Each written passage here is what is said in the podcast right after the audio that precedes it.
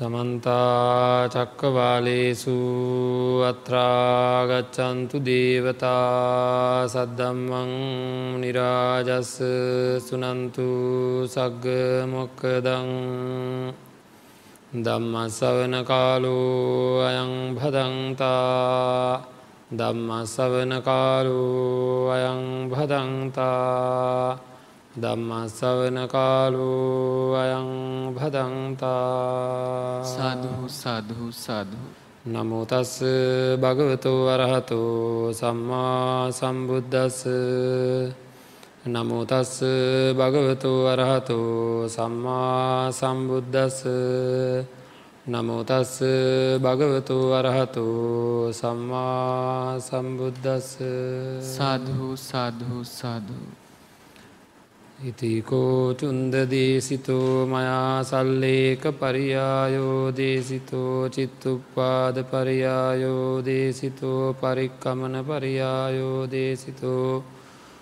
උපරිභාග පරියායෝ දේසිතෝ පරිනිබ්භාන පරියායෝති සාධහෝ සාධහෝ සාධ සද්ධාබුද්ධි සම්පන්න පින්නත්න්නේ සම්මා සමුදුරජාණන් වහන්සේ දේශනා කරපු ආකාරයට අපේ ජීවිතය සකස් කර ගැනීම සඳහා පෙළ ගැහෙන නිවන් මග ධර්ම දේශනා මාලාවේ සල්ලේක සූත්‍රයෙන් කෙරෙන දහවැනි ධර්ම දේශනාවයි අද දවසේ අපි මේ සිද්ධ කරන්න සූදානම් වෙන්නේ.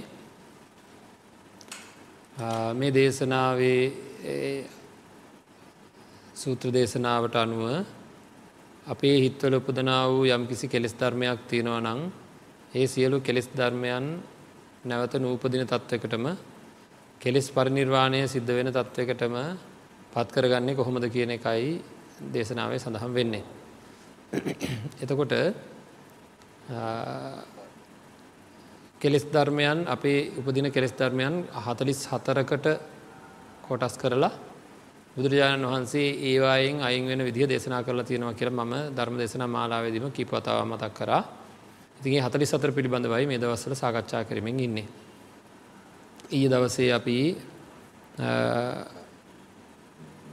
කතා කරා පාපයට තියෙන ලැජ්ජාව ලැජ්ජාව නැතිකම අහිරිකය අනෝතප්පය ඒ වගේම අපස්සුතා කියලා කියන බහුස්ෘත භාවය නැතිකම කියන අකුසලයන් ඒවා අකුසලයන් බහුස්ෘත භාවය නැතිහින්ද යාගේ සිතෙන් අවශ්‍ය කරන ධර්ම කරුණු නැගිලා එන්නේ නෑ. අන්න ඒ කාරණා සකස් විය යුතු බව සාකච්ඡා කරා. එතකොට මේ වෙනකං අපි එතකොට සාකච්ඡා කරලා තියෙනවා කාරණා හතලිහක් තව කාරණා හතරක් තියෙනවා කතා කරන්න. මේ කාරණා හතලිහේදීම ධර්මයානුකූලුව ඒ සූත්‍රයට අනුව අපි කළ යුතු දේ ගැන සාකච්ඡා කරේ මේ කෙලෙස් අන් අය භාවිතා අන් අය මේ වගේ කෙලෙස් ධර්මත් සමඟ කටයුතු කරාට මේවා පරේ භවිස්සන්ති කියලයි සඳහන් වෙන්නේ මේ අන් අය මේවා භාවිතා කලාට නැතම් මේ කෙලෙස්වලට අනුව ජීවත් වනාට මම අපි මේවා නැතුව ජීවත් වෙනවා කියලා මේවායින් අයින් වෙලා ජීවත් වෙනවා කියල ඉස්සෙල්ලාම ඒ කෙලෙස්වලින් අයින්වීමේ අදහස. ඒවා භාවිතා නොකර හිඳීමේ අදහස. උපදවාගෙන කටයුතු කිරීමයි මූලිකව සිද්ධ වෙන්නේ කියලා අපි මතක් කරා. එතකොට ඒ වගේ තව හතරාකාරයක් තියන එතකට අපි මේ හතරි සතර කතා කරලා තින හිද ඊළඟ හතරවාරයේදී හතරි සතරම කතා කරන්න වෙන්නේ නැහැ නමුත් හතරි සතරක් අපි සාකච්ඡා කරා. හොඳයි ඊළඟට අද අපිට කතා කරන්න තියෙන්නේ ආරද්ධ විරිය කියන්නේ කුසල ධර්මය. ඒකට ප්‍රතිවරුද්ධ අකුසලය අපේ හිත්වලින් නැගෙන කුසීතකම. කුසීතකම කියන අපේ හිත්වලින් නැගෙනවා ආරද්ධ විරිය කියන කුසලය වර්ධනය කරගණ්ඩුවන. පිනත් නී නුවන තියෙන ඇත්තෝ සසර බය දැක්ක අය සංසාර බය දැකලා මේ ජීවිතය තියෙන අනර්ථකාරී බව තේරුම් ගත් අය සියලු ගැටලුව තියෙන්නේ බුදුරජාණන් වන්සේ දේශනා කරපු ආකාරයට හිතේ තියෙන තන්හාව තුළයි කියලා තේරුම් ගත් අය රූප ශබ්ද ගන්ධරස ස්පර්ශ ධම්ම කියන මේ බාහිර අරමුණු කොච්චරවත් අපිට ඕන හැටිට තියාගණ්ඩ බැරුව අපි බොහෝම අපහසුතාවයෙන් ජීවිතය ගත කරන්න සිද්ධ වෙලා තිනවා කියලා දැක්ක අය හරියට අසනීපයක් හැදුන හම දැම් බලන්නක මොන වැඩේ තිබ්බත් උදේ නැගිනවට මාව අසනීප වෙලා කියලා. හරි අසනීපෙන් තාම් ප්‍රශ්නකුත් නෑ අපිතු මට පිළිකාවක් හැදෙන්ට ඇවිල්ල තියෙනවා පිළිකාවක් වගේ භයානක දේක පෙර ලකුණු තියෙනවා අදම ප්‍රතිකාරය පටන් ගණ්ඩෝන කියලා කිව්වොත්. මම එහෙමන තව සතියකින් අපේ දුවගේ විවාහ මංගල උත්සවේ තියෙන ඒක ඉවරලා ප්‍රතිකාර පටන් ගන්නවා. එහෙම ඉදීද. එහෙම ඉදීද. මගේ දරුවටික ඉදීද මේ අම්මා කමන්න ඔය පිළිකාවටිකක් වැවුණ දෙ ඉතින් ආයෝක සතියක් වැැවුණ හම මොකද වෙන්නේ මේ මේ වැඩ ඉවර කරගෙන ඕක කරමු කියලා ඉදීද. නෑ නේද. ඇයි ඒ ඒක භයානක ප්‍රතිඵල තියෙනවා කියලා අපි දන්න හින්දා. නේද ඒ මොහොතේම පහුවදා උදේ මොකද කරන්නේ. ඔක්කොම වැඩ තියෙද්දි නේද. අනිත් වැඩ ඔක්කෝම් පස්සකින් තියලා අර ප්‍රතිකාර ආරම්භ කරනවා. ප්‍රතිකාර ආරම්භ කරනවා. දැනගත්ත ගමන් මොකද වෙන්නේ. ප්‍රතිකාර ආරම්භ කරන්න අපේ පින්නත්න්නේ දැනගත්ත ගමම අධිෂ්ඨානය හැදෙනවද නැද්ද මං හෙට උදේම ලත් විගසම නේද ලත් විගසම මේ කටයුත්ත කරන්න ඕන කියලා. පිළිකාව සෛලයක් ශරීරයේ තියෙනවා කියලා දැනගත්තහම ඇතිවෙන භයානක ස්වභාවයද භයානකත්වයද වැඩි අකුසල් හැඟීමක් හිතේ තියාගෙන වාසය කිරීමේ භයානක්කමද වැඩි. පිළිකාව භයානක වැඩි. එහෙද. අකුසල් හැඟම ඇයි පිළිකා කීයක් තව හැදෙන්ට පුළුවන්ද. සසර සසර විට වැඩිය හෝම භයානක ඉරණමකට මුණ දෙට වෙනවා. ද අකුසලේ තියෙන භයානක්කම දැනගත් ඇත්තන්ට අනිත් වැඩ ඔක්කොටෝම වැඩිය ලොකුම උවමනාව තියෙන්නේ ඒ අකුසලේ අයින්වෙන්ඩ. අහන්ඩකොයි හිතෙන් එහෙමකත් තියෙනවද කියලා. නේද මං හැමදා මහනවා දරුවන්ට තියෙන ආදරය කියන්නෙත් අකුසලයා. කුසලයක් අකුසලයක්ද. ඉඩන් කඩන්ගොලට තියෙන කැමැතික අපි හිතාගෙන මේ අකුසල් කියන්නේ සත්තු මරණ එක හොරකං කරන එක බොරු කියන එක කේලං කියන එක ඒ කර්ම පතයන් විතරයි කියලා. නෑ සිතක උපදින්නා වූ ආදරය ආදිය ගිජුකම කෑදරකම මසුරුකම අපි දැම් බොහෝ දෙවල් සාකච්ඡා කරා ඒ පෙරේද ඒ හැම එකක්ම අකුසලයන් දැරි ලෝබය කියන්න ඇකසලයක් දැරි දේශකයන් අකුසලයක් නිදිමත කියන්නෙත් අකුසලයක් තිීන මිද්දේ කියන්න. නේද කුසලතාවයක් නැතිකමක්. එතකොට ඒ අකුසලයන් පලවා හැරීම සඳහා ඉඳගෙන ඉන්න තැන අකුසලය ඇතුනා නං නැගිටින් ඩිස්සල්ල ඇකිවර කරගන්නට තරම්. නැගිටලා ඉන්නකොට අකුසල ඇතුනා නං ඇවිදින් ඩිස්සල ඉවර කරගන්නට ඇවි ඒක ඉරියව්ව වෙනස් කරන්න ඩිස්සෙල්ල පවා අකුසලය නැගෙන අකුසලයෙන් තමන්ගේ හිත අයින් කරගණ්ඩෝනෑ කියලා තියෙන අප්‍රමාදී එක කරන්න ඕනය කියලා අප්‍රමාදී හැඟීමත් එක්ක ඕන දුකක් උහුලගෙන ඉවර වෙනකම්ම අරගෙන යනවා කියන ඇතුළෙෙම්ම හිතෙම්ම එන්ඩෝන කුසල හැඟීම තමයි ආරද්ධ විරිය කියලා කිය. හරිද. එහෙනම් අන්නේ ආරද්ධ විරිය තමන්ගේ හිත තුළ උපදවා ගත යුතුව තියෙනවා. ඒකට කියෙනවා කුසලය උත්පාදනය කරගන්නවා කියලා. ඒ කුසලය උත්පාදනය කරගණ්ඩ අපේ සන්තානගතව අධිෂ්ඨානයක් කැමැත්තක් අවශ්‍යතාවයක් දැඩිව ගැනීමක් ම මේ කුසල උත්පාදගෙන අපි වීරිය සම්බෝජ්ජන්ගේ ගැන කතා කරති කතා කරන්න මතකන? බෝදේවල් වීරිය ගැන කතා කරන වීරිය උපදවාගන්න කොමති කියලා? අන්න ඒ වගේ හැඟීමක් අපේ තුළ අපේ හිතෙම්ම නැගිලා එන්ඩ ඕනද නැද්ද? මට මිත්‍රයෙක්කින්නවා ටික දවසින් දැනගන්නම එයා පාප මිත්‍රයෙක් කියලා. දැනගත්තකම මේ ආශ්‍රය අයින්ගෙන්න්නේ නෑ එදා ඉදම් මම්මොකද කරන්නේ? මෙයානං හරියන්න මෙයා මම මගරින්ඩෝ නැදැන් නේද? ක්‍රමාණුකුල මෙයාගෙන් ඇත්තෙන්ඩෝ නෑ මෙයා කිට්ටු කරගෙන හිටියොත් මාත්‍යවරයි මගේ පරපුරත්තිවරයි කියලා. මොකදකන් හිමින් සැරයාව ඇත් කරන්න තීරණයක් ගන්නවා. නේද. අන්නේ වගේ කුසීතකමෙන් කුසීතකමට හිත ඉඩ දෙන්නේ නැතුව වාසය කරනවා කියලා. කුසීතකම. කුසීතකම කියලා කියන්නේ ආරද්ධ විරියට ප්‍රතිවිරුද්ධව තමන්ගේ හිතේ නැගෙන අකුසලය. ඒ අකුසලය අපිට වැඩේ කරගෙන යන්ට ඉට දෙන්න ආපහු අදිනවා. හරිද ආපහු අදිනවා හිත අහකුලලා වගේ දානවා.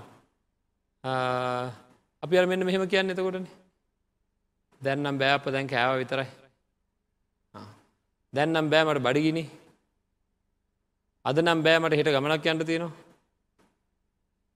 අද නම් බෑමං ඊයේ ගමන ගිහිල වෙලමට හරි මහන්සි මොකාකරි හේතුවක් දාලා භාවනා කරනේවා කුසල් වඩනේවා තමන්ගේ ආධ්‍යාත්මිකව දියුණු කරගණ්ඩ තියෙන අවස්ථා මගහරින ගති අපේ හිත්වල තියෙනවද නැද්ද.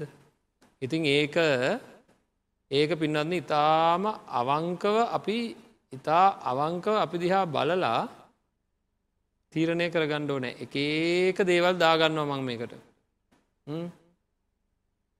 මේ කුසිතකම කියනක තේරුම් කරවන මනික සාමාන්‍ය උදාහරණයක් කියන්න මොකද මේ අපි කතා කරලා තේරුම් ගණ්ඩෝ නෑ මේ ඇත්තටම හැදෙන ඇගේ අමාරුයි බොරුවට ඇදෙනගේ අමාරුයි තියෙනවා දැක දන්නවද? හැබැයි දෙකම අමාරුයි. ඇබරුණේ අමාරුයි.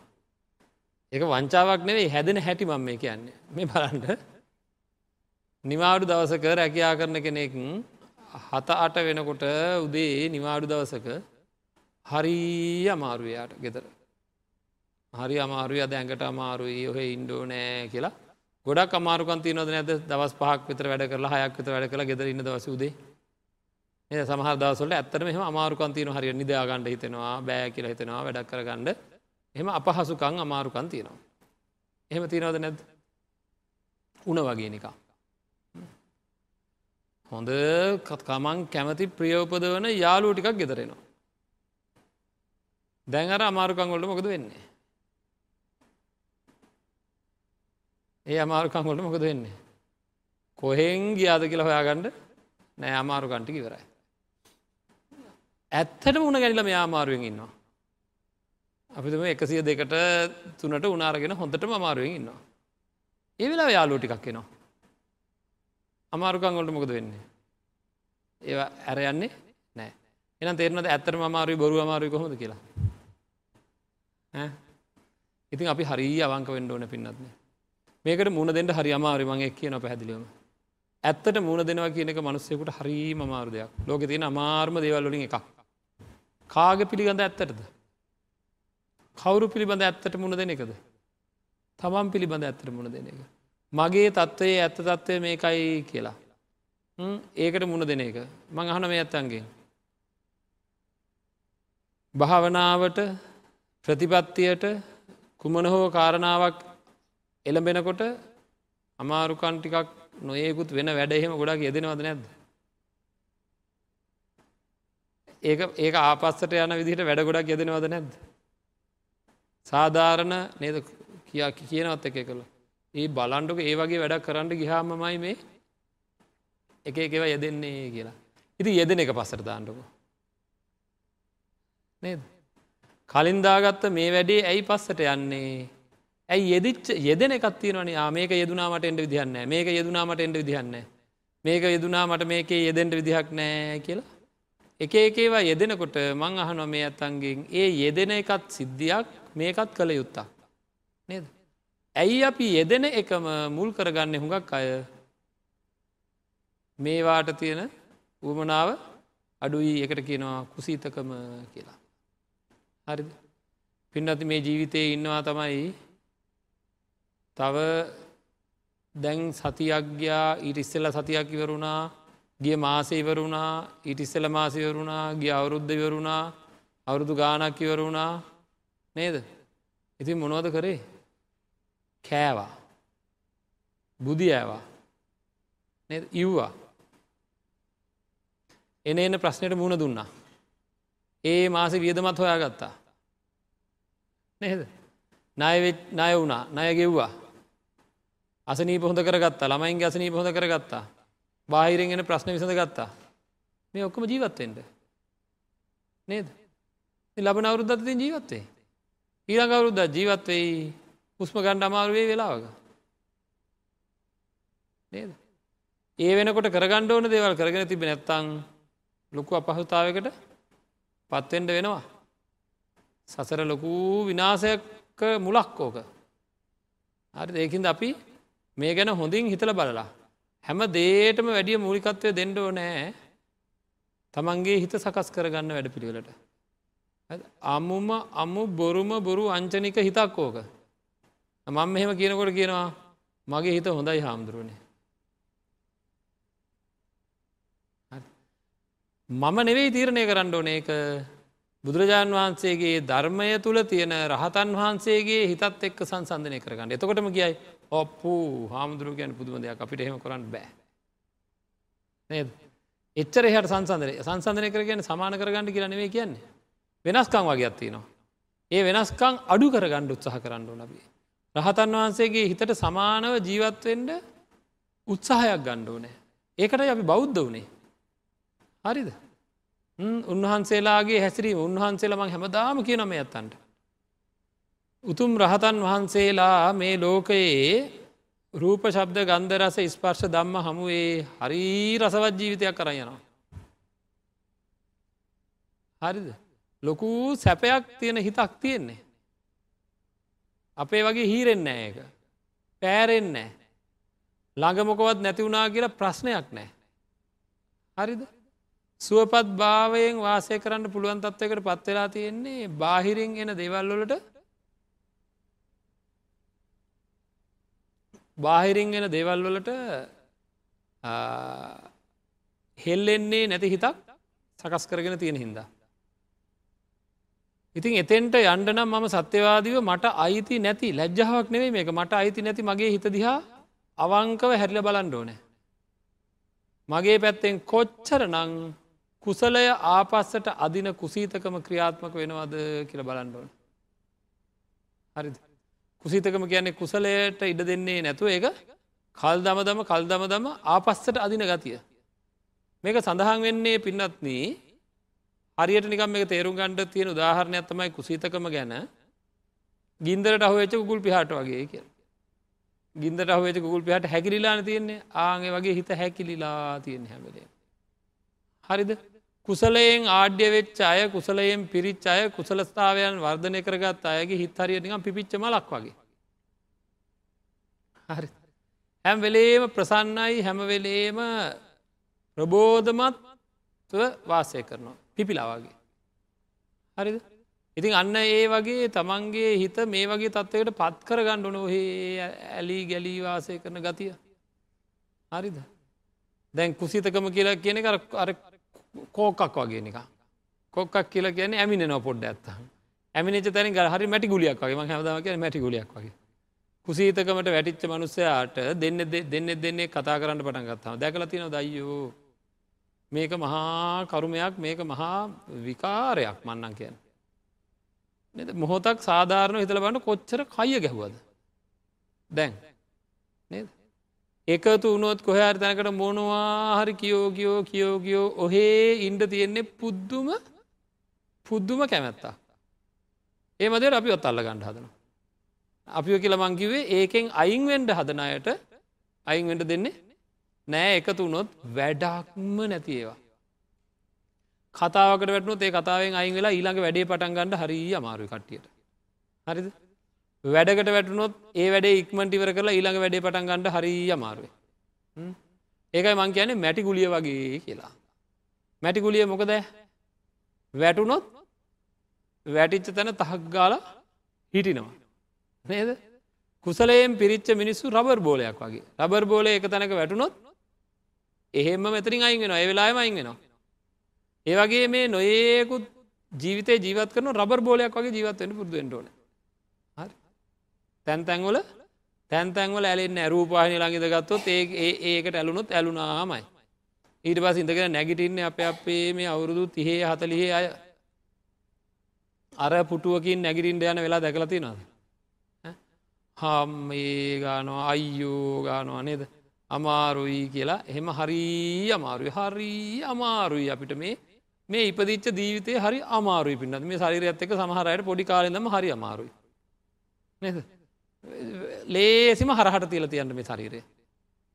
එද කනවා හරහදානවා. කවුරු වගේද හරකාවාගේ එල දෙනවාගේ. හරි දැන්ව භාවනා කරන්න එහෙම නැත්තෝ අපි දකිනවා සමහර අපේ වයසක අම්මලයින්නවා. හරිද ඒ කට්ටිය හොන්දට රිජුව ඉඳගෙන උඩුකය රිජුවතියාගෙන හරි අපූරුවට ඉන්නවා. හරිද සමහර අපේ තරුණ ඇත්තෝ කොහොමරි කළ භාවනා කරන්න කියලෙනවා ඉන්න කොහොද බූරු ඇඳ ඉඳ ගත්තාවගේ. හාන්සිපුටු ඉඳ ගත්තාවගේ. කුසීතකම තියෙන අය හැම්වෙලේම හරහට බරයි. හරස් පැත්තර බරයි. ඒකටි ඔලු හරී බරයි බලන්නක ඒ අයට සාමාන්‍යෙන් අර අර කෙහෙල් ගහට මුක්කු තියන්නේ ආග වගේ ඔලුවට හුඟක් කලාට පාඩන් කරන්න ගියාවනත් දරුවේ කුසිතකම තියෙන දරුව පාඩන් කරන්න ගහම යායට මෙත මේ පැතර මුක්වතියාගන්නඩු මේ පැතරත් මුක්වතියාගන්නඩු සමහර අත් දෙකෙම දෙ පැතර තියාගන්න හරිද හැම වෙලේ ඔලුව තියෙන බරගතියක් තියන්නේ. ඉතින් අර ඒ හිතේ තියෙන ස්වභාවය හිද බරයි එයාගේ ජීවිතය හරි අමාරු එහට මට යන්න තමාරුවෙන් ඇවිදින තමාරය හැබැයි කණ්ඩනම් ප්‍රශ්නයන්න නද?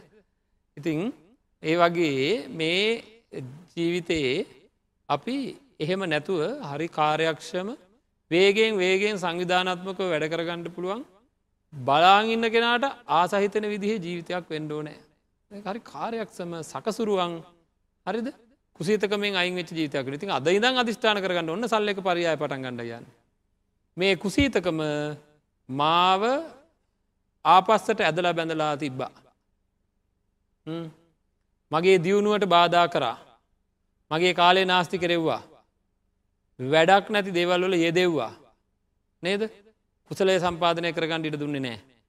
අදටත් අනිත් අය අනිත කුසීතකම ගැන ඉක්මට බෝවෙන ලෙඩක්. අද ළඟඉන්නෑගෙන් හරියට බෝවෙනවා හරි ආශ්‍රය කරන අහින්ද හරියට ඒ තත්වට අපිවත් ඇදල වැටෙන්ඩ යනවා. මොකද රසවත් කතා නරගෙන්නේ කෙලෙස් සහිත කෙලෙස්වලට හේතුවෙන කාලය කාදමන පැය ගණන් කාලය කාදමන කතා අරගෙනවා වටෙන්ම ගහනුව ගෙනල්ලා. එතවරතින් ඔයුන්නේ පැතර ඇදිලා පැරදෙන්ට වෙනවා අපිට. අන් අය අන් අය කුසීතකමෙන් කටයුතු කරපුදාවදේ පරේ කුසීතා භවිස්සන්ති. අන්න අය කුසීතකමෙන් කටයුතු කරද්දී අන්න අය කුසිතකමෙන් කටයුතු කරනවා. නමුත් මයාමත්ත ආරද්ධ විරියා භවිස්සාමාති. මම ආරද්ධ විරියෙන් කටයුතු කරන කෙනෙක් බවට පත්වන හැම වෙලේම අදහස තියෙන්ඩෝ නෑ මම ආරද්ධ විරියෙන් කටයුතු කරනවා ම ආරද්ධ විරියෙන් කටයුතු කරනවා. ඇයි? මම ඔක්කොම දන්නවා. මොනවද මම දන්නේ? මේ හිතේ තියෙන මේ කෙස් ධර්මයන් තියනකං මේ හිතට රිදෙනවා. කෙස් ධර්මයෙන් උුණහම හිතරි දෙන්නේ නෑ ආහාරය හින්දා හිතරි දෙනවා නං අදරි දෙන්නේ කෙලෙස් සහිත හින්දා.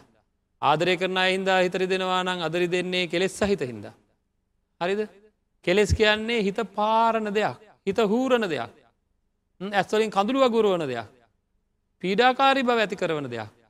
අන්න ඒක ඇතුළේ තියෙනකං හීරෙනවා. රහතන් වහන්සේට අම්මාව දැක්කහම අම්මව අඳුරගත්තට අම්ම හින්දා දුකක් ඇති වෙන්නේ නෑ ආහාර දැක්කට ප්‍රිය අප්‍රිය භාවයන් නෑ රහතන් වහන්සේට. හරිද ප්‍රියප්‍රිය භාවයන් තිබොත් මොකද වෙන්නේ. ඇලෙනවයිවයි. ගැටෙනවයිවත් එක්ක. නේද. නමුත් අඳුනාගන්නවා. සබ්බ සංකාර සමතෝ මේ ඇතිවන්න වූ චිත්ත සංකාරයන් සකස් වෙන්නේ නැහැ රහත් උත්තමයණන් වහන්සේට. එරහත් උත්තමයණන් වහන්සේට අකුසලයන් සකස් වෙන්නේ නැතිහින්දා කුසලයන්ගේ සකස්වීමකුත් අවශ්‍ය වෙන්නේ නැහැ. ඒක හින්දා සංස්කාරයන්ගෙන් අතමිදිච්ච මානසිකත්වයක් තමයි රහත් උත්තමයණන් වහන්සේගේ ස්වභාවය. ඉතින් ඒක හින්දා එතෙන්ට ළඟාවෙන්ඩ අපි හැම වෙල ඒම උත්සාහයක් ගණ්ඩෝනෑ. ආං එහෙම දැඩි අධිෂ්ඨානයක් ගණ්ඩෝ නෑ ඒ අධිෂ්ඨානය නැවත නැවත ගණ්ඩෝ නෑ මම මේ කියපු දේවල් අහලා ඒ අධිෂ්ඨානය ගණ්ඩෝ නෑ පිනත්න මම ආරද්ධ විරියෙන් යුතුව කටයුතු කරනවා ම ආරද්ධ විරියෙන් යුතුව කටයුතු කරනවා අන්න ඒ තමයි කුසීතකම පරිනිර්වාණය දක්වා පත් කරන්න ආරම්භ කරන වැඩ පිළිවෙල තනයි. ඒ විදිටයි මේ සූත්‍රයේ දේශන වෙන්නේ. අරද අන්තිම පරියාය පරිනිබ්භාන පරියාය ආය නැවත නොනගින්න තත්වයටම කුසිතකම පත් කරන්න. ඒක ආරම්භය තමයි මොකක්ද? ආරම්භිකට පටන්ගත් වෙලා විද ඉවරෙන් දක්වාමත් මේ පරියායත් ඕනෑ. මොකද මම කුසිතකමින් අයිං වෙලා වාසය කරනවා. අයිංගල අනිත් අයසේ කරපු දෙෙන් අන්න ඒක සල්ලේකය ඒක ප්‍රථම අධ්‍යානයට දිති අධ්‍යානයට තුති අධ්‍යානය චතුත් අධ්‍යානයට වඩා ප්‍රබල දෙයක්. ඔය කරන්න හදනදේ. ඒක මේ සූත්‍ර ධර්මය අපිට මොනවට පැහැදිලි වුණා? ඒක කොච්චර වටිනාද කියලා බුදුරජාන් වන්සේ දේශනා කරනවා. නේව සංඥා නාසංඥායතනය කියන්නේ සල්ලේකයක් නෙවේ කියල මේ සූත්‍රයේදී. කෙලෙස් කැපීමක් නෙවේ ඒක යටපත්වීමක් විතරයි කෙලෙස් අයින් කරන වැඩපිළිවෙල මෙන්න මේ විදිහට වර්ධනය කරගණ්ඩෝ නෑ කියලා. කොයි තරන් නං අපේ හිත ගැලවීමේ ගලවා ගැනීමේ හමුදාව. නද කෙලෙස් වලින් ගලවා ගැනීමේ වැඩපිළිවෙල තමයි මේ ආරම්භය ඉතිං අද පටන් සල්ලේක පරියාය ආරම්භ කරන්න ඕනෑ. ඔහොම මිදලා හරියන්නෑ මොන දුකක්ද මේ? දන්න දවසේ ඉඳන් දුක්විඳිනවා නේද? කවද දිවර වෙන්නේ? දුක් ඇතිවෙන එක කාරණාවක් ඉවර වෙනකොට ඊලංකාරණාව පටන් අරන්. ඒ කාරණාව ඉවර කරගන්නකොට ඊලංකාරණාව පටන් අර නේද? දුක් ධාරාවක් දුක් ගඟක් එකක් පිටි පස්ස එකක් පිටි පස්සේ ගලනවා. ඇයි? හැම එකක්ම මං කැමති විදිහට තියෙනවනම් මේ ජීවිතයට එළඹිලා මං කැමති විදිට හැම දෙයක්ම තියෙනවන මන් සන්තෝසයෙන් ඉන්නවා. නේද? මං කැමති විදියට තියෙනවද හැමදේම? හැමදේම වෙනස් වෙනවා හැමදේම වෙනස් වෙන අපි එක පිළිගණඩ කැමති වුණේ නෑ ඒකින්ද මේ පංචුපාදානස්කන්ධයත් එක්ක අපි කටයුතු කරන්නේ නම් ඒ කටයුතු කිරීම ඒ ආකාරයට නිවැරදිව කටයුතු කරන්න ඕනෑ. ඒකෙන් ගැලවෙන වැඩ පිළිවෙල ආරම්භ කරගන්න ඕනෑ. හොඳයි. ඊලං කාරණාව තමයි උපට්ටිත සති සිහිය පිහිටවා වාසය කිරීම අද මේකට ප්‍රතිවරුද්ධ කාරණාව තමයි අසිහියෙන් කටයුතු කිරීම ඒකට කෙන මුට්ටස් සති කියලා. හරිද මුලාවෙච්ච සිහියෙන් වාසය කරන ස්වභාවයක් අපේ තුළ තියෙනවා. තොට සිහිය කියන එක ගැන අපි කතා කරලා තියෙනවා නමුත් ආය මතක් කරනවා මොකක්ද මේ සිහිය. සමහර ඇත්තෝ කියනවා මාතක වෙලගෙන හමුදුරනේ කඩේ යනකොට කඩේ යනවා කියලා සිහියෙන් යනවා. හරිද නානකොට නානවා කියලා සිහියෙන් නානවා. හරිද මේ දිර මගේ විස්තරයක් ඇව මේකද සිහිය කියන්න කියලා. මංකව ඇති නිකම්මන්නට වැඩිය එළඹි සිහියෙන් ඒ වෙලා වාසය කරනවා කියලා ඕක අර්ථ දක්වනව නම් ඒකත් ඔහ කමක්න හැබ ඔතන ප්‍රශ්නයක් තින නේද. සත්තු මරණකොට සත්තු මරණවා කියලා සිහියෙන් මරණවා එහෙමනොත් එහෙම. හොරකං කරනකොට හොරකං කරනවා කියලා සිහියෙන් හොරකං කරනවා. එහෙම කිව මොකද කියන්න කියලා. එහෙම බෑන නේද. මේ තැන්වලද අපි බුදුරජාණන් වහන්සේ දේශනා කරපු සිහිය කියන එක මොකක්ද කියලා මතක තියාගන්න ඕනෑ. නේපක්කේන සමන්නාගතෝ සති ආං හෙමයි සිහි අර්ථ දක්වලා තියෙන. නුවන සහගිය සිහිය නුවන පිළිබඳ වූ සිහිය මොකද මේ නුවන පිළිබඳ වූ සිහිය අපි මේ දේශනාමාලාව දැම් මේ සල්ලෙක සූත්‍රය වරුණට පස්සේ චත්තාලීසකාර විපස්සනාව පිළිබඳ අපි සූත්‍රම කතා කර හිටියන්ද? භාවනා ගැනටික දසක් කතා කර නැතිහින්ද හතලිස්සාකාර විපස්සනාව පිළිබඳව සාකච්ඡා කරලා මගේ අදහසත් තියෙන සතිපට්ඨාන දේශනාව පිළිබඳ. මුලේදං අගට යනකම්ම ආයසරයක් සාකච්ඡා කරන්න මහා සතිපට්ඨාන සූත්‍රය පිළිබඳව. ඉතින් එතකොට මේ අපිට මේ පිළිබඳ සිහිය පිළිබඳ බොහෝ දේවල් කතා කරන්න තියෙයි පංචුපාදානස්කන්දය ගැන කතා කරන තියෙයි ඊට පෙරාතුව අපි සක්කාය දිට්ටිය විසිආකාර සක්කාය දිට්ටිය ගැන සාකච්ඡා කරනවා. එතකොට අපිට පුළුවන් මේවා නිවැරදි ලක්කයකට යන්ඩ නේද දැනගෙන යන්ඩ ඉස්සරහට යන්න පුළුවන්කම තියෙනවා. විසිආකාර සක්කාය දිට්ටිය පිළිබඳ සතිපට්ටාන දේශනාව පිළිබඳවත් චත්තාලිස්සකාර විපස්සනා භාවනා පිළිබඳවත් ඉදිරියේදි සාකච්ඡා කරනවා. මේ සූත්‍රය වුණට පස්සේ. ඉතින් මේ සූත්‍ර ධර්මය තුළින් දැන් අපි මේ වෙලා කතා කරන නේපක් කියන සමන්නාගතෝ සති. මොනව ගැනද සිහ තිබියත්තේ පංචපාදානස්කන්දය ගැන සිහ තිබියත්තේ. හරි පංචුපාදානස්කන්දයේ මොන ලක්ෂණයන් පිළිබඳ සිහියතු තිබියුත්තේ අනිත්‍ය දුක්ක අනාත්ම ලක්ෂණයන් පිළිබඳවයි සිහියුත්තේ. කොහොමදේ සිහි ආරම්භ කරගත යුත්තේ මගේ හිත පංචුපාදානස්කන්දය පිළිබඳව අවබෝධයෙන් පංචුපාදානස්කන්දයේ ඇත තත්ත්වය දැක නුවන උපදින විදිහට හිත සකස් කරගත යුතුයි. ඒ සඳහා හිතේ තියෙන වීර්යාදී ඒකාග්‍රතාවය ආදී ගුණාංගයන් ඕනෑ වෙනවා. ඒ සඳහා එන්න ඒ මූලික ගුණාංගයන් වර්ධනය කරගන්නට මම සිල් ආරක්ෂා කළ යුතුයි ගුණවන්තව ජීවත්වය යුතුයි ඉන්ද්‍රිය සංවරය ඇති කරගත යුතුයි මේ ආකාරය නොඒකුත් ආකාරය වැඩ පිළි වෙලක් අපි කතා කරා සත්ත විසුද්ධ්‍යාදී දේවල් කතා කරද මේ පිළිබඳ ගොඩක් දෙවල් කතා කරා. කොහොම නමුත් කමක් නැහැ රූපවේදනා සංඥා සංකාර විඤ්ඥාන කියල කියල කියෙන පංචුපාදානස්කන්දයෙහි අනිත්‍ය දුක්ක අනාත්ම වසයෙන් තියෙන ලක්ෂණත්‍රය අපේ ඒක තියෙන ඇත්ත තත්ත්වය අපේ සිතට නැගෙන ස්වභාවයයි සිහිය කියන්නේ. ඒකට ඒ පිළිබඳ නුවන තියෙන්ට ඕනෑ. මං අහන මේ ඇත්තන්ගෙන් පලවෙනි කාරණාව. කඩේ යනව කියලන කතාවාවේ මේක කරන්න පුළන්ද බාන්න කඩේ යන ගමන් මට අකුසල් උපදින්නේද? ආංනුවන නේද? මෙන්න කාමච්චන්දයක් හටගන්නවා කියලා තමන්ගේ හිතේ කාමච්චන්දයක් කඩේ තිබ බනිස් ගෙඩියත් දැකලා හරිද? කාමච්චන්දයක් ඇති වුණා.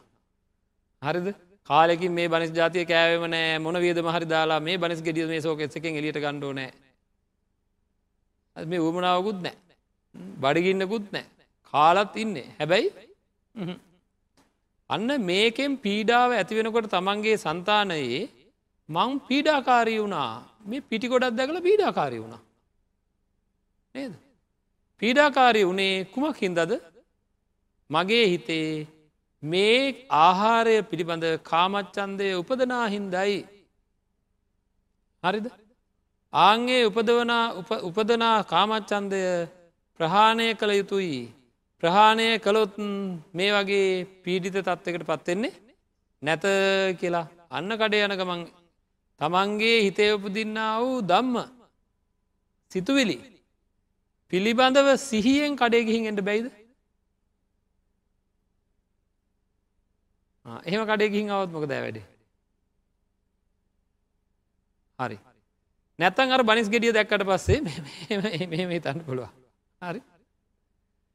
මේ බනිස් ගෙඩිය මේ වගේ බනිස් ගෙඩියක් ඔයිට කලින් මගේ දිව උඩ වක්කරපු වෙලාවේ සැපවේදනාවක් ඇති වුණා. නේද? ආංගේ සැපවේදනාව නැවත මගේ හිත කියනවා හදර දෙන්න කියලා. නේද? ඒ මොකක් හින්දද? වේදනාව පිළිබඳ තියෙන්න වූ තන්හාාව තන්හාාව නේද? වේදනාවයි තන්හාාව ඇති කළේ. අන්න අර අතීතයේ ඇතිවෙලා නැතිවෙලා ගිය සැපවේදනාව මගේ හිත කියනවා නැවත හදල දෙට කියලා. එක අර එක අර හේතුව. ආංගේ සිහියෙන් වාසය කිරීම. හරි ඊළඟට ඒත් එක්ක මෙයාට ඇති වෙනවා එදායේ ඇතිවෙලා නැතිවෙලා ගියා වූ යම් කිසි සැපවේදනාවක් තියෙනවා දෙක ඇතිවෙලා නැතිවෙලා ගියා. හාපය අම්මේ ඔය වගේ බනිස් කීයක් මං කණ්ඩ ඇද එහෙේ ඒ කාපු හැම බනිස් එක්කම ඇති වුණා වූ යම් කිසි සැපවේදනාවක් තියෙනවද? ඒ හැම සැපවේදනාවක්ම ඉතුරු නැතුවම නැතිවෙලා ගියා. නේද? මේකත් තවත් එකක් විතරයි.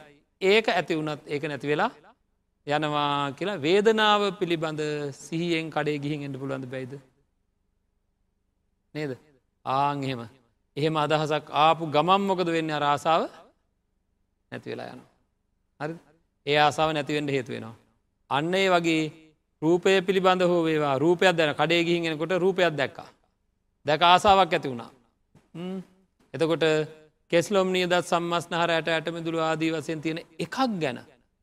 ඒ රූපයේ හම විනිවිද හම විනිවිද එක මිලිමීට දසම ගානක් ඇතුළට හිත යොදාගන්න පුළුවන් වුණානං මසුයි තියෙන්නේ.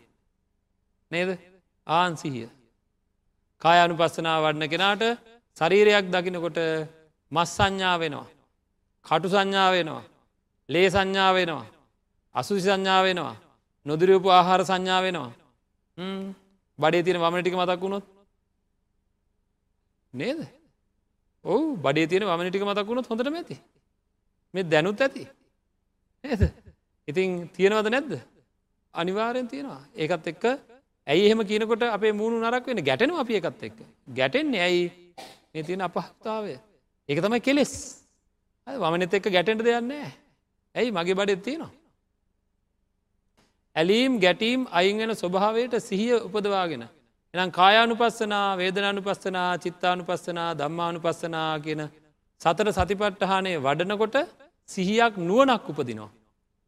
වෙනදා නොතිබ්බ නුවනක් උපදිනවා ජීවිතය ගැන තමන් ගැන. සතර සතිපට්ටහන ගැන වෙන මොකාක්වත් නෙවෙයි. මගේ ජීවිතය. සතර සතිපට්ටහනය ගැන මගේ ජීවිතය. හරිද? නිකන් ජීවිතය නෙවේ ජීවිතයේ අහු මුළු ඔක්කොම ටික. කොං ටික. හරිද අර අපි කියන්නේ හූරලා නේද රිංගලා ඇතුළ බැලුව කියලා ඔක්කොම හොයාගත්ත කියන්න අපි හරි දස්සයි අනුන්ගේ ඔක්කොම හොයන්න. අනුන්ගේ ඔක්කොම හොයනක පැත්තකින් තිලමකද කරන්න ඕන. තමන්ගේ ඔක්කොම හොයා ගණ්ඩෝනෑ. තමන්ගේ ඔක්කොම හොයන මිනිහා සතර සතිපට්ට හනේ වඩන්නායි. හරිත අපි අපි ගැන හොයන්නේ තමන් ගැන හෙව්වා ගැන සතර සතිපට්ට හනේ වඩන කෙනා. අන්න ඒ උපදින සිහිය පිහිටුවාගෙන වාසය කිරීමට කියනවා උපට්ටිත සති කියලා. මාසකට එක දවසක් ගිහිල්ලා පොඩ්ඩක් ඔය පැත්තකටලා ඉඳගෙනර සමිතියට ඉස්සෙල්ල පොය දවසේ නේද පොය දවසේ සමිතියට ඉස්සෙල්ල මාසකට එක දවසක් ඔය චූට බනත් අහලා උදේටත් හොඳට දානෙත් වලදර බනත් අහලා නිදිත් කියරලා ඔය පෝඩක් ගිල සක්මනක් හරි භාවනාව කර චුට්ටක් හිට ඒ වෙලාවෙත්මක දුණේ දානය අරංආපු අයත් කෑ ගැහවා. එක එකවට හිතත් ගියා. ඊට පස්සේ දානීවරුණා ඉට පස සමිතිය පටන් ගත්තා. ඊට පස්සේ ඔය කායකාහිටිය බුදියාවා ගෙදරාවා ඊළඟ මාස වෙනකං ආය නෑමොකක්වත් ඒ ඕ උපට්ටිත සතිවල හැටි. නේද? එහෙම බෑ. නේද? දවස ගානේ අපි පුහුණුවීම් කරලා නිවන් දකිින්ට නං මේක අනිත් පැත්තට හරවන්ඩෝ නෑ ඇයි මේ දුක්විඳ වෙද ඉන්නේ? තව කොච්චරකල් දුක්විදින්ටද දුක නැති කරන ක්‍රමවේදය සිහිය පිහිටවාගෙන වාසය කිරීමයි. ඒ කායනු අයම් භික්කවේ මක්ගෝ සත්තානං විසුද්ධ්‍යාදි වසයෙන් දේශනා කර බුදුරජාණන් වහන්සේ නේද සියලුම දුක් නැති කරන මාර්ගය විදිහට ඒ කායන මාර්ගය විදිර දේශනා කර සතිපට්ටහනය තිහෙනම් අර මුට්ටස් සති කියන අකුසලයෙන් අදින් පස්සේ මම ඒ වගේ ඉන්න නෑ. අන්න එහෙම හිටපුදෙන් නේද? සතිපට්ටහනය ගැන කතා කරද්දී බොහෝ දෙනා කතා කරන අයෝ වයසර ගාව මල මළගෙවල් වලන උවදාන්නේ එ ගෙදරක සතිපට්ටාන සූත්‍රය දානවා අඩුයි. කන්නේම සූත්‍රය දානවා රතන සූත්‍රය දානවා ඒව දානවා. මොකද යකුන්ටෙන්ට බැරවෙන්න වටිනම සූත්‍රයමකක්ද මහා සතිපට්ටාන සූත්‍රය. හදිසේකත් ගෙතර සතිපට්ටාන සූත්‍ර දාලා තිබොත් වට පිට කටිය සැකෙන් බලනවා ගෙතතිය මලාවද කවරු හරි. මැරුණ හම දාන්නන කන්නේ ජීවත්වලා ඉදදි දාන්නඕන එක මැරුණ හම දාන්න ඕනෙමන ඇයි? ගෙදර කට්ටියට මරණය ගැන හොඳටම තේරෙනවා එදා දවස විතර ඇ මැරිලා අරංගයට පස දාන්නන මොක නැතන් ආයමතකෙනවා නේද? ඒද ඕනෙම නැති වෙලා ඇතම මේක දාගන්න. ඒකින්ද පින්නත්න අපි සිහිය පිහිටවාගෙන වාසය කිරීම කියන එක ගැන දැඩි අදහස් ඇති කර ගණ්ඩෝන හරිද? මම මෙතැම් පට මේ අසිහියෙන්ම මංජීවත් වුණා. මගෙත් එක් ඉන්න අසිහියෙන් ජීවත් වෙනවා වෙමින් ඉන්නවා. එය අසිහියෙන් ජීවත් වනාට අපි නං අසිහියෙන් ජීවත් වෙන්න නෑ මම නං අසිහියෙන් ජීවත් වෙන්නේ මන් සිහිය උපදවාගෙනම සිහිය උපදවාගෙනම වාසය කරනවා කියලා හැම වෙලේම දැඩි අධිෂ්ඨානයක් ඇති කරගණ්ඩ ඕනෑ. මේක ඇති කරගණ්ඩ හේතු වෙන්නේ කොහොමද? මේ කාරණ හතලි සතරදීම සිහිය උපදවාගෙන වාසය කිරීමේ තියෙන ආනිසංසත් සිහිය නැතුව වාසය කිරීමේ තියෙන ආදීනවත් මෙනෙහි කිරීමෙන් අපිට මේ තත්වට පත්තෙන්ට තියෙන පුළුවන් හැකියාව වර්ධනය වෙනවා. තෙරුණාද? ඇමලේ ආදීන මෙහ කරන්න නිකං ඉදල බෑ. බස්ස යන ගමනුත් එව මෙහි කරන්න ඕන. දැඟඉතින් ඇති. මගේ හිත හරවන්ඩ ඕන දැන්. කොයි පැත්තරද දැන් හරවන්ඩ ඕන. දැන් හැරිලා තිබේ සම්පූර්ණයම දුක්විදින පැත්තට. කුරුමිනියක් වෙලා උපදින තත්වකට තමයි හිත හැරිලා තිබේ බල්ලෙක් බලෙක් වේක් මිය කිබෙක් කුලෙක් නරියෙක් වෙලා උපදින තත්වර තමයි හිත හැරිලා තිබේ පේතෙක් භූතේ අසුරෙක් වෙන තත්වක තමයි නිරිසතෙක් වෙන විදිහරතම හිත හැරිලා තිබේ මනුසෙක් වුණත් දුක් විදින තත්වකට පත්වෙන තත්වකට එහෙමනෙවෙයි බුදුරජාණන් වහන්සේ දේශනා කරපු ධර්මය තියෙන කාලේ මං ඉපදුනේ මගේ පෙරවාසනාවකට මේ වාසනාව මේ පින ලැබිච්ච මම මේකෙන් ප්‍රයෝජන ගත්තන ඇත්තම් පලක් වෙන්නේ නෑ. මගේ හිත ගලෝනවා දැන් ඉතින් ඇති. නේද? මගේ හිත උඩට ගන්නවා දැන් ඉතින් හොඳටම ඇති කියලා. තමන් සූදානං වෙන්ඩෝ නෑ මම සිහියෙන්ම වාසය කරනවා කියලා දැඩි අධිෂ්ඨානයක් ඇති කරගෙන කටයුතු කරන්නන අධිෂ්ඨානයෙන් මං ඒ විදිහටම ඉන්නවා. ඒ විදිහටම ඉන්නවා කියලා. ඊළඟ එක තමයි පින්නත්න පඤ්ඥා සම්පන්නෝ. ප්‍රතිවරුද්ධ කුසලේ තමයි දුක් පඤ්ඥා භවිස්සති. අන්න අය ප්‍රඥාව නැතුව වාසය කරනවා. මම නං එහෙම කරන්නේ නෑ. මම නං එහෙම කරන්නේ නෑ. හරිද? අන්න අය ප්‍රඥාව නැතුව වාසය කරනවා. අපි මෙහි ප්‍රඥාවන්තයෝ වෙමු. අන්න අය අන්න අය ප්‍රඥාව නැතුව වාසය කරපුදෙන් පරේ දුප්පඥෝ භවිස්සන්ති. පරේ දුප්පඥෝ භවිස්සන්ති. මයාමෙත්ත පඤ්ඥා සම්පන්නෝ භවිස්සාමීති. හරිද? මම ප්‍රඥා සම්පත්ත සම්පන්නව. මොකක්ද මේ ප්‍රඥා සම්පන්නව කියලා කියන.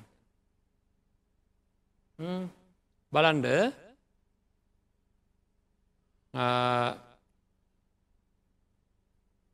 මං අහන මේ අයගෙන් අර අපි හැමදාම ගන්න උදාහරණය ගම දිින්දර ගැන තියෙන නුවන කියන්නේ මොකක්ද අපිට? ආම් ප්‍රඥාව සම්පන්නයි අපි ගින්දර ගැන. මොකක්ද නුවන ගෙදර අවටිං ලැව්ගින්නක් එනවා දැක්කා. එහ පැත්තේ වත්ත ගිනිගන්නවා දැක මේ පැත්තර දැන් ලැවගින්නවා ඒක දැක්ක ගමන් ගින්දර පිළිබඳ නුවන තියෙනවා අපිට.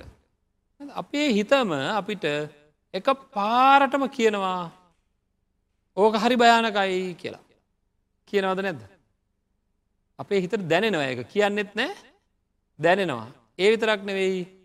මේක අන්නර රොඩු හින්දා අන්නහර කොළහින්දා අන්නර හුළඟ හින්දා පත්වෙන එකක් කියලා කියනවා. නේද? ඊළඟට මේක නිවන්ඩ පුළුවන් කියලා මට සංඥාවක් කෙනවද නැද්ද.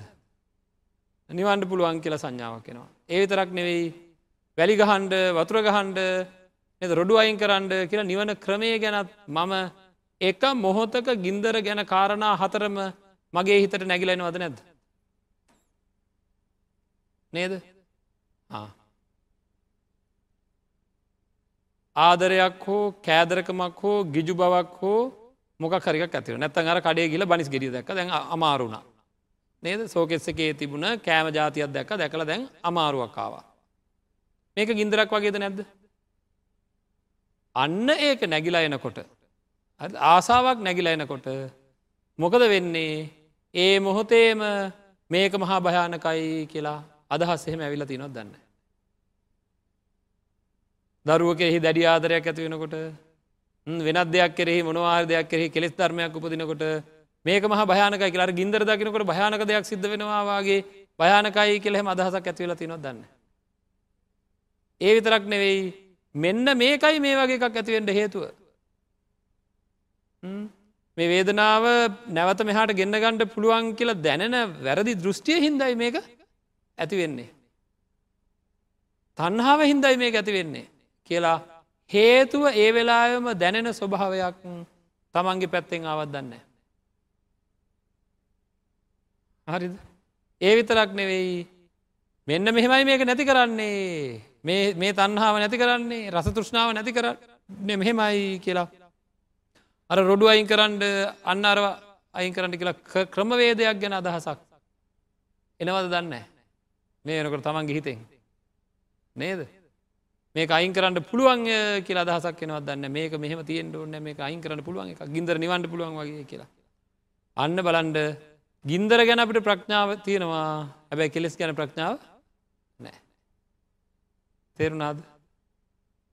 මට ඒ ප්‍රඥාව නැතිහින්දා අදාළ කෙලෙස් ධර්ම හමුවේ මට ඒක අයින් කරන්න අදහස් පහළ වෙන්නේ නෑ මං අහනවා මේ උතුම් දිවයිනේ එවැනි උත්තමයෝ නැද්ද. ඒ ආකාරයට සිතුවිලි පහළ වෙන උත්තමයෝ නැද්ද. ඉන්නවා පින්නත්න. එක ඉබේ වෙයිද. එක කවදර ඉබේ වෙන සුදු හඳුන් ගස් ඉබේහෙම හැදෙනවද කොහැර. නේද. එම ලේසිකට එහෙම ඉබේ හැදෙන්නේ නෑ වටින දේවල් ඉබේ වෙන නෑ වටින දේවල් කරගන්න ඕන තමන්ගේ හිත ලෝකයේ තින වටිනම පුද්ගලයගේ හිතක් බවට පත් කරන්න ඒකට බුදුරජාන් වහන්සගේ ධර්මය එතුට අපි අන්න ඒනම් මම අද පටන් ප්‍රඥාවෙන් ජීවත් වෙන කෙනෙක් බවට පත්වෙනවා කියලා. අන්න අය දුප්පාත් දුප්‍රඥාවෙන් හිටපු දෙෙන් දුප්පාඥව හිටපු දෙෙන් ඒ අය දුප්පාඥව වාසය කරනවා. අපි නං එමෙහේ එ ප්‍රඥාවෙන්ම කටයුතු කරනවා කියලා කටයුතු කරන්න ඕන. අවසාන එක තමයි ගත්ත දෘෂ්ටිවල එල්බගෙන අනිත් අය වාසය කරට මම ඒ දෘෂ්ටිවල එල්බගෙන වාසය කරන්නේ නෑ කියලා. මම දෘෂ්ටියෙන් එල්බගෙන වාසය කරන්න නෑ. දෘෂ්ටිවලින් අයින් වෙලා කටයුතු කරනවා කියලා හික්මන එක තමයි අවසාන එක. එතකොට අපි හතලිස් හතරක් දක්වා සල්ලේක පරියාය සාකච්ඡා කරා. දැ හෙට ඉදන් තියෙන්නේ මේ ටික පිළිබඳ සාරාංසගතව සාකච්ඡා කරන්න ඕනෑ ඉතිරි පර්යාය ධර්මයනුත් එක්ක.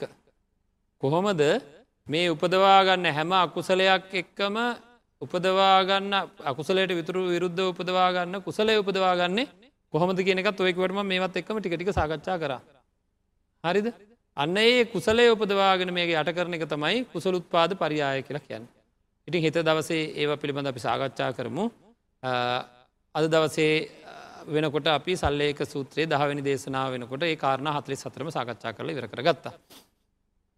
අද දවසේ මේ ඇත්තන්ට මේ නිවසේ ඉඳල මේ ධර්මය ශ්‍රවණය කරපු පින්වන්ත අයට ඒ ධර්මය ශ්‍රවණය කරන්න හැකියාව ලැබුණේ මේ මැදිරියට ඇවිල්ලා තමන්ගේ ධනය හරිහම්භ කරගත්ත ධනයවේ පැහැදන් කරලා ධර්මදාන මේ පුුණ්‍ය කර්මයක් සිද්ධ කරන්න ඕනෑය කියලා සූදානං වෙච්ච මේ මැදිරිය ඉන්න පින්වන්තයගේ කාරුණික අනුග්‍රහයින්ද තමයි නිවසේ ඉන්න ඇත්තන්ට මේ ධර්මය ශ්‍රවණය කරන්න ලැබුණේ. තිඒකින්ද අපි ධර්මය ශ්‍රවණය කරපු ඔබ හැම දෙනාමත් ධර්මය දේශනා කර මත් අපි හැම දෙනාම් ප්‍රාර්ථනා කරමු මේ සඳහා දායකත්වය ලබා දුන්න මේ පින්වන්තයට උතුම් අවබෝධය සඳහා මුතුම් නිර්වාණ අවබෝධය සඳහාම සියලු කෙලෙස් දුරු කර ගැනීම සඳහාම මේ ධර්මදාන මේ පුුණ්‍ය කර්මය හේතුවේවා කියල ප්‍රාර්ථනා කරමු. ආකා සට්ටාච බුම්මට්ටා දේවානාගා මහිද්දිකා පුඤ්ඥන්තන් අනුමෝදිත්වා චිරංරක්කං තුසාසනං චිරංරක්කං තුදේශනං චිරංරක්කං තුමං පරංතිී